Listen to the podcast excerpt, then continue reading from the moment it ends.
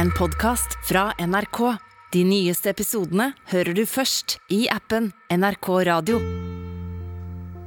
David Bowies musikalske liv var ikke bare innholdsrikt, det var også veldig variert. Og gjenspeiler en person som ikke var redd for å utforske og utvikle artisten som konsept. Og halvveis ut i livet er Bowie en megastjerne rik på suksessen han har opplevd hittil. Men er fortsatt en søkende kunstner. Tidligere har han skjult hvem han er bak alle personene sine. Nå er derimot kostymene og sminken lagt vekk. Men David Bowie har ett alter ego igjen på lur. Og når han presenterer det, tar han pusten fra absolutt alle.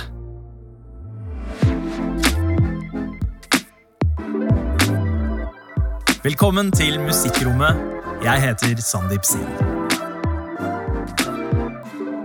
What an artist who kind of thinks often does is often seen as commercial suicide, and, they're- and sometimes they're right. But in the long term, I can look back on everything I've done and be pretty proud of where I've been and what I've tried to do. Den andre halvdelen av Bowies karriere vil jo for alltid bli sammenlignet med den første, og det er litt urettferdig. Marius Asp er musikkanmelder i VG. For der han de første 25 åra var hyperaktiv og høyproduktiv og skapte legenden om seg sjøl, så var han jo i de siste 25 en kanskje enda mer mystisk artist som prøvde å finne seg til rette i sin egen mytologi. Ja, for I forrige episode av Musikkrommet tok vi for oss årene fra han ble født til 1989. Og hvordan han brukte seg selv som nærmest et lerret for sin egen kunst. Ja, og det tok ikke lang tid ut på 90-tallet før han virkelig begynte å ta avstand fra det han gjorde på 80-tallet. Så i 1990 måtte han på en måte finne seg selv opp på ny, nok en gang. Det ble en lang prosess for Bowie det der å finne et nytt fotfeste som artist. Og etter mange forsøk, ikke alle like vellykka, kom han endelig dit, men på en måte som skulle sjokkere alle. Men før vi kommer til det, må vi ta opp tråden rundt den tida vi slapp den sist. Vi er på en restaurant i Los Angeles høsten 1990. David Bowie er iført hvit bukse og hvit jakke og møter opp på det han tror er bursdagsfeiringen til en venn. Men når han kommer dit, skjønner han at han har satt opp en blind date med en svartkledd supermodell fra Somalia. Iman Mohammed Abdul-Majid og Bowie finner tonen. Eller de treffer vel blink. David opplever kjærlighet ved første blikk og er litt awkward når han ber henne på te dagen etter. Men når imanen finner ut at han ikke drikker det, så går de heller på en kaffebar. He claims that he knew immediately I was the one. Uh, it took me maybe a week. Bowie er hodestups forelska for første gang på en evighet. De to tilbringer mye tid sammen, og når hun er bortreist på modelloppdrag, sørger Bowie for å fylle hotellrommet hennes med blomster. Han har funnet the one og kaller henne sin evige kjærlighet. I think it's probably made me aware that there actually is such a thing. I'm in love, and uh, that's absolutely that's a wonderful thing. Og når han bestemmer seg for å fri til henne, strekker han seg langt for å gjøre det helt perfekt. Og de store romantiske framstøtene funker jo, for i Iman er det også helt klart nå at det finnes ingen andre enn David. David swept me off my feet, and I'm still off my feet. um, he has managed somehow, I don't know, miraculously, to have my heart flutter when he walks into the room still. So, yes, he's definitely the one. He's definitely my one. Bowie og Iman gifter seg i all hemmelighet i Sveits våren 1992, men feirer sammen med vennene i Toskana etterpå. Blant gjestene er Bono, Yoko Ono og Brian Eno. Og Bowie komponerer musikk til vielsen og skriver flere låter inspirert av bryllupet til sitt neste album. Getting my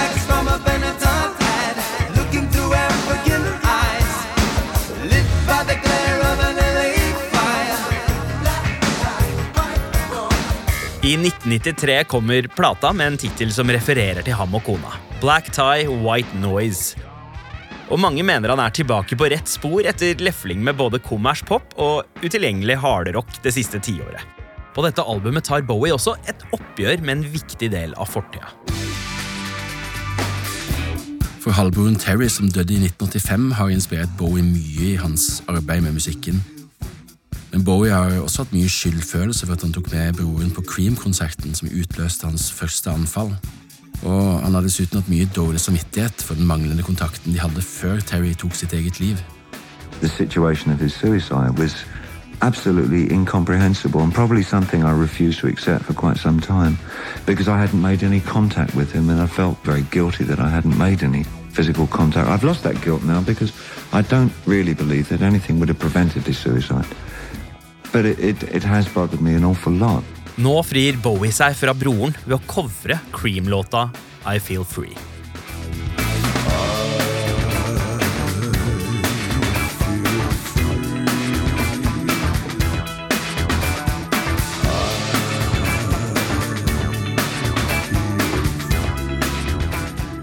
Frem til nå har Bowie brukt Terry som en slags muse i kunsten sin, men nå innser han at han har overdrevet hvor mye broren egentlig lærte han. For til syvende og sist var jo egentlig ikke Terry så veldig til stede i oppveksten hans, men likevel fikk han stor betydning i hodet til David. Og i låta Jump They Say klarer han endelig å se Terrys innflytelse på ham med nye øyne.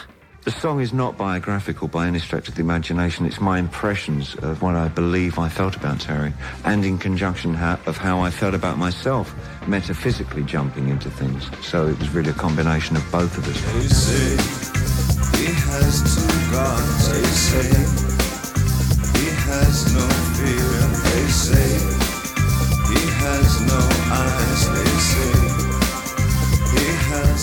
There is a philosopher that said that one creates the doppelganger so that you can inflict one's own fears and guilts and passions and the darker sides of one's personality onto that doppelganger, and then you kill him. And hope by doing that you no longer retain those weaknesses.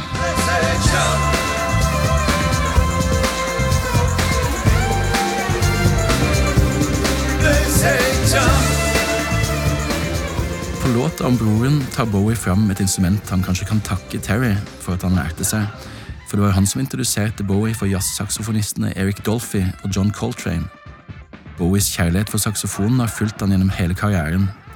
Og nærmest som en hyllest til broren plukker han opp igjen saksofonen og spiller på denne låta og flere andre på plata. På denne tida har Bowie mange jern i ilden. Han har jo holdt på med skuespill siden ungdomstiden og spilt i filmer siden 70-tallet. Men nå får han en rolle som et av de store forbildene han hadde som ung. So famous now. Maybe you just shouldn't take things so.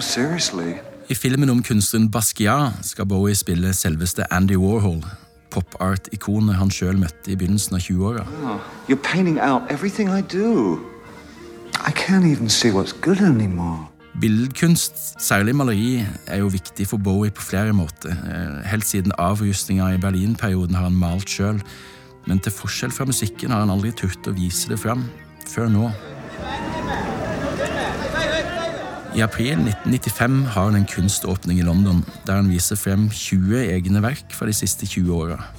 Samtidskunsten og miljøet rundt blir også kulissene for en mordgåte i det enormt lange konseptalbumet han slipper samme år, Outside.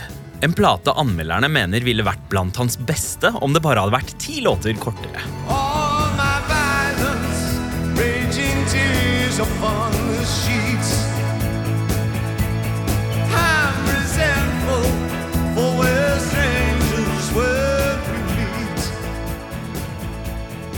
Nomaden Bowie og kona Iman vurderer å flytte til England, men etter å ha tenkt på det en stund, slår de det fra seg pga. paparazzi-kulturen der. Bowie vil ikke utsette seg sjøl eller noen av sine nærmeste. Det å få kamera opp i trynet overalt hvor man går. Så Bowie bestemmer seg sammen med kona for å slå seg til ro i Manhattan.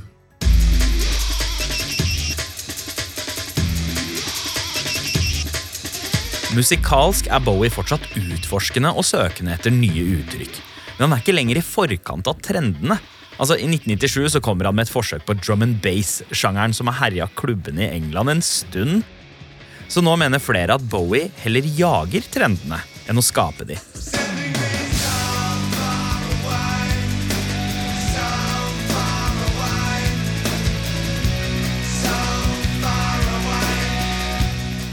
Selv mener han at han ser mer bakover enn utover. By virtue of the fact that I'm getting older, has given me quite a scope on, on what I can draw from. I can take things uh, from uh, albums that I did 15, 20 years ago. It's almost like the albums that I've done um, have become the palette that, that I can draw from. Each each album is kind of a different color. You know? I don't really have to go much to the outside at all for uh, influence. Just kind of look at my own stuff and, and uh, utilize what I've done already. You know? It's there to be used.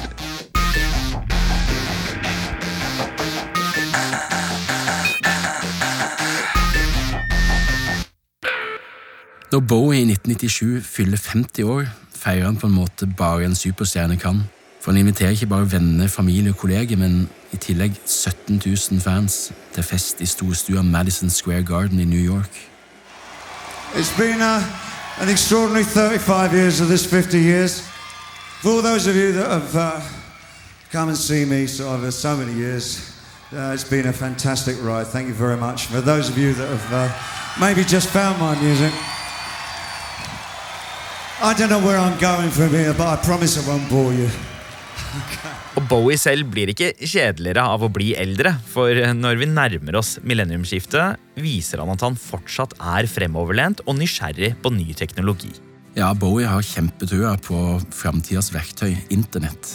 Han omfavner nettets muligheter. Ikke bare er han en av de første musikerne som tilbyr nedlasting av musikken sin, men allerede i 1998 lager han sin egen nettside hvor han kan chatte med fansen og få tilbakemeldinger direkte fra dem. Immediate feedback is great on, on the net. When we're on tour and we have all those dreadful hours waiting between shows, we spend half the time getting comments on the last night's show, which sort of appear immediately, which is actually very instructive. Keep those messages coming in because it, it really helps to define where the interaction is between ourselves and our audience. En slags forløper til sosiale medier. Han er jo mye mer positiv enn mange andre på denne tiden til hva man kan få til med den nye teknologien, og han fremstår nærmest som en profet, eller i hvert fall klarsynt, når han i 1999 snakker om hvilket potensial internett har. I don't think we've even seen the tip of the iceberg. I think the potential of what the internet is going to do to society, both good and bad, is unimaginable. I think we're actually on the cusp of something exhilarating and terrifying. It's just a tool, though, isn't it? No, it's not. No. No, it's an alien life form. Samme år gir han ut et album som er tilgjengelig for nedlasting på nettsida hans to uker før det er mulig å kjøpe i fysisk format. I august år 2000 blir Bowie far for andre gang når han og Iman får datteren Alexandria. Men året etter får han en trist beskjed fra hjemlandet. Mora Peggy har gått bort, og selv om ikke de hadde et nært forhold i oppveksten hans, har de kommet nærmere etter bryllupet hans med Iman. Bowie sørger over tapet, og i tida etter begravelsen lapper han sammen forholdet til en annen gammel, god venn, produsenten for hans første suksess, Tony Visconti. De har ikke snakka sammen siden de lagde Scary Monsters and Super Creeps i 1980. Men nå, 20 år senere, både prater og jobber de sammen om Bowies nye musikk. I was dead scared in my head that we'd try and recreate what we've been doing in the uh, late 70s, early 80s, you know. I really didn't want to tarnish the work that we'd done before. So it was really waiting until I found songs that were the right weight for the two of us to do together. This is our number. Oh, my trials, Lord, will be remembered. Everything has changed.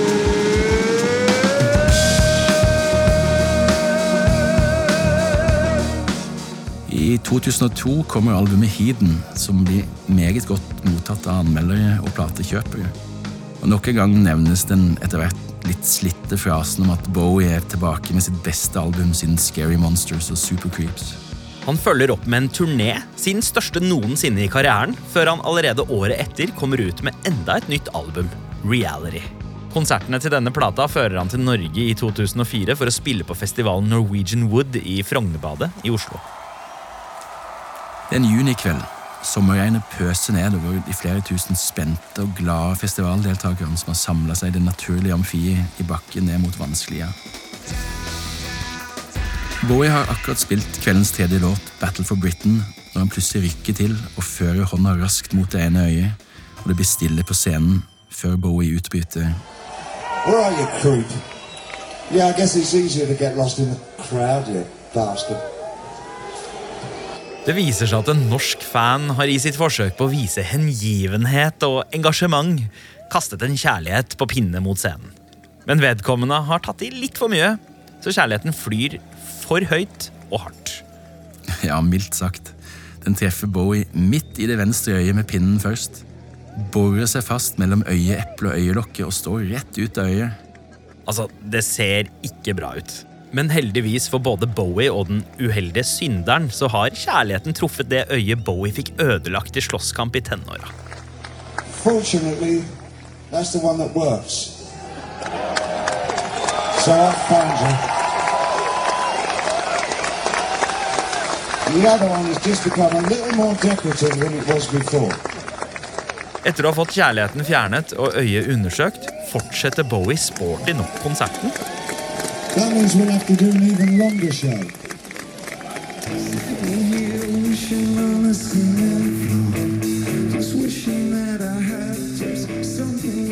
Og skal man tro NRKs utsendte anmelder da, så ble konserten om mulig bedre etter hele kjærlighetsepisoden. Men seinere denne sommeren skal det gå enda verre enn i Oslo. For når Bowie står på scenen i Praha et par uker etter, føler han seg så uvel at han må avslutte konserten tidligere. Sorry, it's not good for us. I, I just can't continue. I'm in too much pain. Og ikke lenge etter blir hele turneen kansellert. Bowie har fått hjerteproblemer og må opereres.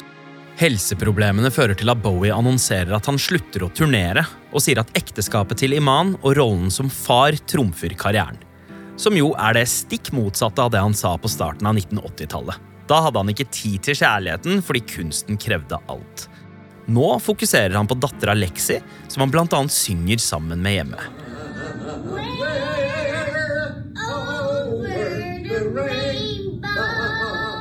over 2006 blir året han spiller live for aller siste gang når han deltar på en veldedighetskonsert i New York. Der spiller han et lite utvalg av musikken fra 70-tallet. Låtene Wild Is The Wind, Fantastic Voyage og Changes.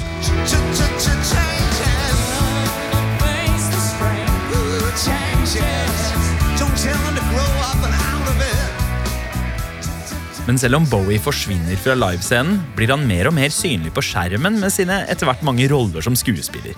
For samme år viser han bl.a. sitt komiske talent i Ricky Gervais sin TV-serie Extras. Chubby little loser, national joke. No, not not chubby little loser. No. Pathetic little fat man. No one's bloody laughing. The clown. Og i anledning Extras snakker han om det som skal vise seg å bli det aller siste intervjuet. What made me want to do a British sitcom? Well, as you probably know, my, my background's in serious acting before I started doing the writing, singing thing. And so something like doing the extras is, is a piece of cake for me, really. Og han fortsetter å vise den mer seriøse skuespillersiden sin når han dukker opp i en film om tryllekunst, og spiller det som må være hans aller beste rolle på kinolerretet. Oppfinneren Nikola Tesla i filmen The Prestige. First time I tried to change the world, I was hailed as a visionary. Second time, I was asked politely to retire. so here I am, enjoying my retirement. Men etter det blir David Bowie selv borte. Helt borte. Han forsvinner rett og slett. Mannen som har blitt kalt rockens kameleon, går i ett med omgivelsene i Manhattan. Folk ser ham ikke, og han stiller heller ikke opp på ting de neste årene. Etter lang tids fravær begynner Bowie plutselig å dukke opp i forbindelse med ulike begivenheter i familien. Som i 2009, når sønnen hans Duncan Jones har filmpremiere på sin regidebut Moon. Da dukker David opp sammen med han på den røde løperen. Og når The New York Times året etter skriver et portrett om kona Iman, klarer de å lure et sitat ut av ham, hvor han sier kort og godt at han ikke tenker på å spille live mer, og at han er komfortabel med tilværelsen nå. Og like kjapt som han poppet opp, blir han borte igjen. David Bowie skjermer seg godt fra omverdenen og er ekstremt nøye med å ikke dele noe særlig av privatlivet. Så det er ikke mange som har fått med seg at han og kona har flytta ut av det hektiske storbylivet til et hus i en skogkledd fjellside i upstate New York, rett ved der festivalen Woodstock fant sted. I begynnelsen er Bowie skeptisk og lurer på hvorfor kona ville bo ute i hippieland. men etter hvert finner han roen og tilbringer mye tid der.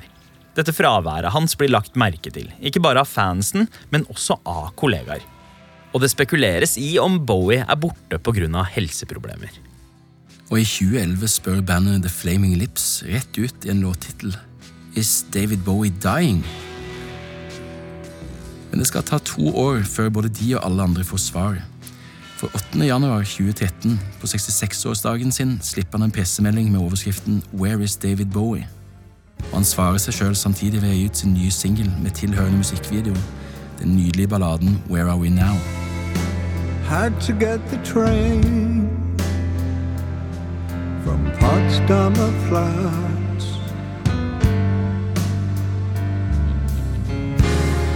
You never knew that, that I could do that. Just walking the dead. Hans første nye låt på ti år, altså. Tenk det.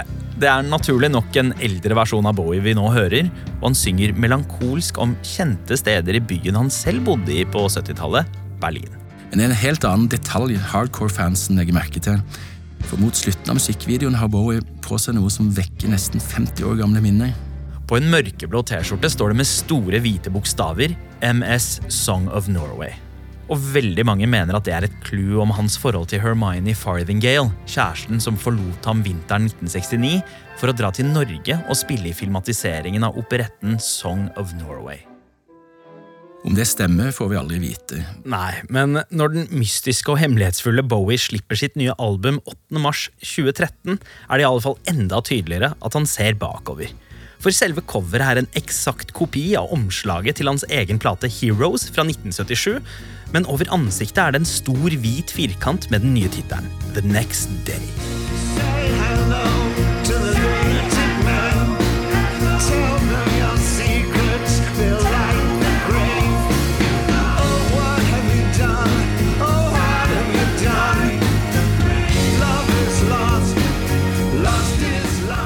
Selv om det er godt å ha han tilbake, er det fortsatt hardcore-fans og anmeldere som mener at vi burde få enda sterkere musikk. For han blir jo som alltid urettferdig nok målt opp mot sin egen katalog. Men Bowie fortsetter å utvikle musikken sin, og i 2014 slipper han en singel som vitner om at han tester ut nye retninger i kunsten. Eventuelt vende tilbake til den tida da han som pur ung tenåring sto mellom valget rock eller jazz.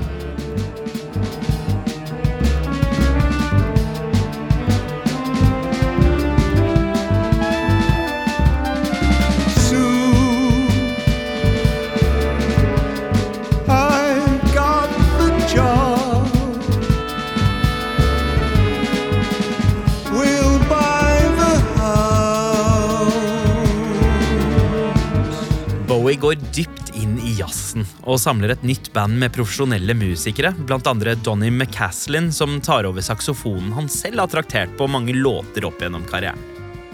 Samtidig som han vender bakover med jazzen, lar han seg også inspirere av de mer fremtidsrette artistene Kendrick Lamar og D'Angelo. Og Deres nye skive inspirerer han til å skrive musikk som toucher innom både sjangeren han har lefla med tidligere, men også helt nye. In the in the villa of our men, stands a solitary candle.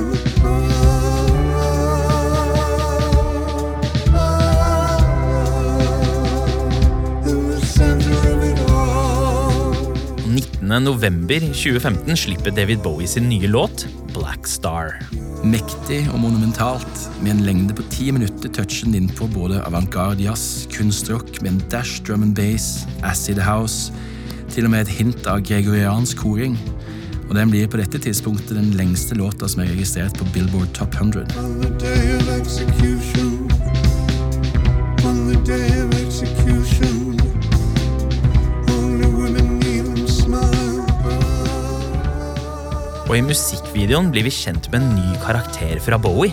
Den første vi med sikkerhet kan si at vi vet om siden The Thin White Duke for 40 år siden.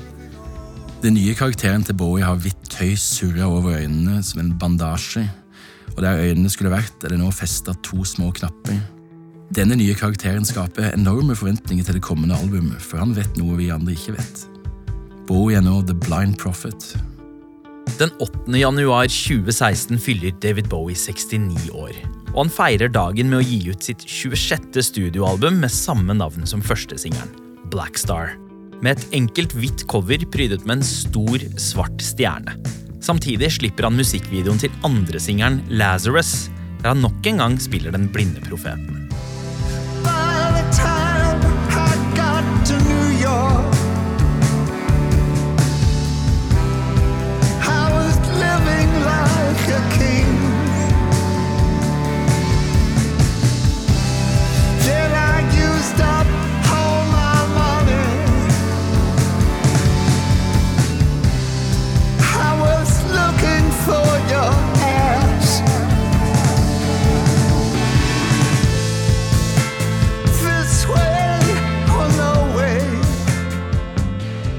Fans og anmeldere har endelig fått det vi har håpa på. Bowie har returnert som en grand old man med det soleklart beste albumet på evigheter. Det er en skikkelig wow-opplevelse, og vel så bra som mange av de aller beste albumene tidligere i karrieren. Vi var nok mange som tenkte at nå er Bowie på høyden igjen og klar for livets høst i toppform. Men David selv vet at det ikke er mulig. For bare to dager etter bursdagsreleasen kommer nyheten som sjokkerer hele verden. Um, some breaking news in uh, to us just now this morning. It's been confirmed that David Bowie, the singer and musician, has died at the age of 69 this morning. Uh, a career, of course, so many of you will know uh, David Bowie, spanning several decades, had a profound influence, he didn't, didn't he, on uh, music and fashion, and also, as well, a really successful acting career as well. But that sad news this morning, I just reported, it's been confirmed that the British pop star David Bowie has died. David Bowie sovnet inn 69 år gammel den 10. januar 2016 hjemme i Manhattan, omringet av sine nærmeste. Jeg husker akkurat hvor jeg var idet jeg fikk beskjeden. Det var en kald og guffen vinterdag, og jeg var i ferd med å følge datteren min til barnehagen. Som så mange andre som hadde et nært forhold til Bowie, gikk denne nyheten ekstremt hardt inn på meg. Og i dette tilfellet var det så mye mer enn at en legende hadde forlatt oss. Han hadde jo i all hemmelighet både planlagt sin egen exit som artist og sin siste tid blant oss. For på artistsiden hans på Facebook får vi vite at han hadde kjempet mot leverkreft i halvannet år. Noe bare familien, legene hans og de nærmeste vennene visste. De tre siste månedene var Bowie klar over at han skulle dø i løpet av kort tid. Og selv om han ikke visste nøyaktig når, så endte det på en måte som gjorde at den siste personen hans ga mer mening. Look up here, I'm in heaven. I've got scars that can't be seen. I've got drama, can't be stolen. For med hans dødsfall høres jo alle låtene på den nye plata helt annerledes ut. Linjer som noen dager før hadde én betydning for lytterne, får plutselig en helt annen. Og selve tittelen Blackstar kan nå spille på sykdommen og et arr i vevet som man kan få pga. kreft. Men det kan også spille på ham selv som en musikkstjerne som skinte sterkt før den slukna. Something happened on the day he died. Spirit rose a meter, then stepped aside. Somebody else took his place and bravely cried. I'm a black star. Og den aller siste låta på albumet er tydelig selvransakende og selvreferensiell. Den starter med et munnspill som er et ekko fra Low og Berlin-trilogien.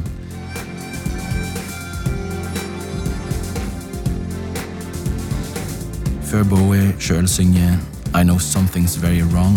The pulse returns for prodigal sons, with blackouts, hearts, with flowered news, with skull designs upon my shoes. I can't give everything. I can't give everything.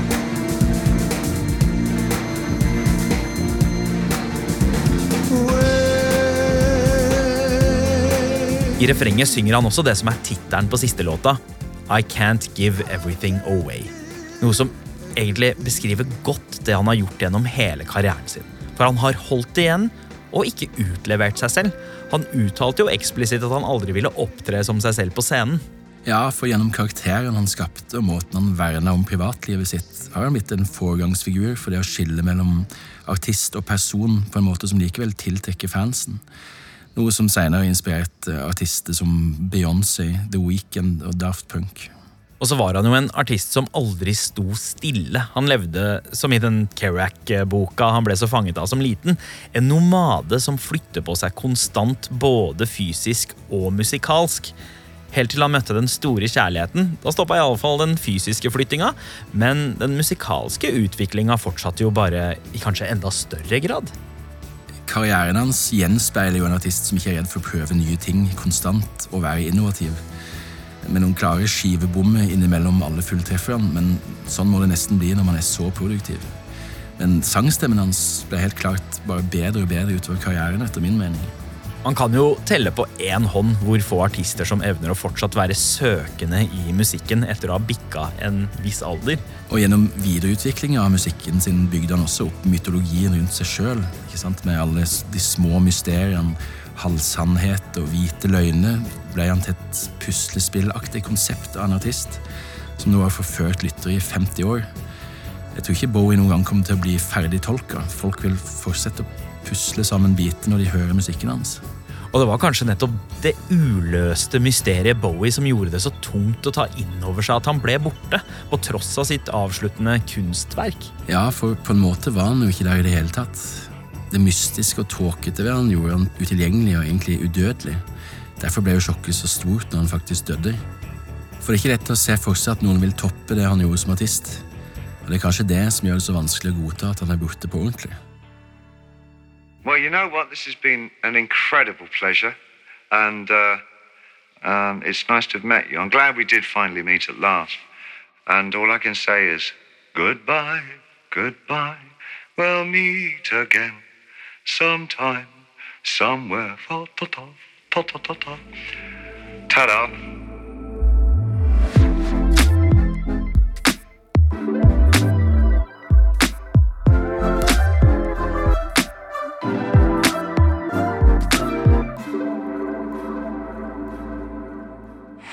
Du har hørt en podkast fra NRK. De nyeste episodene og alle radiokanalene hører du i appen NRK Radio.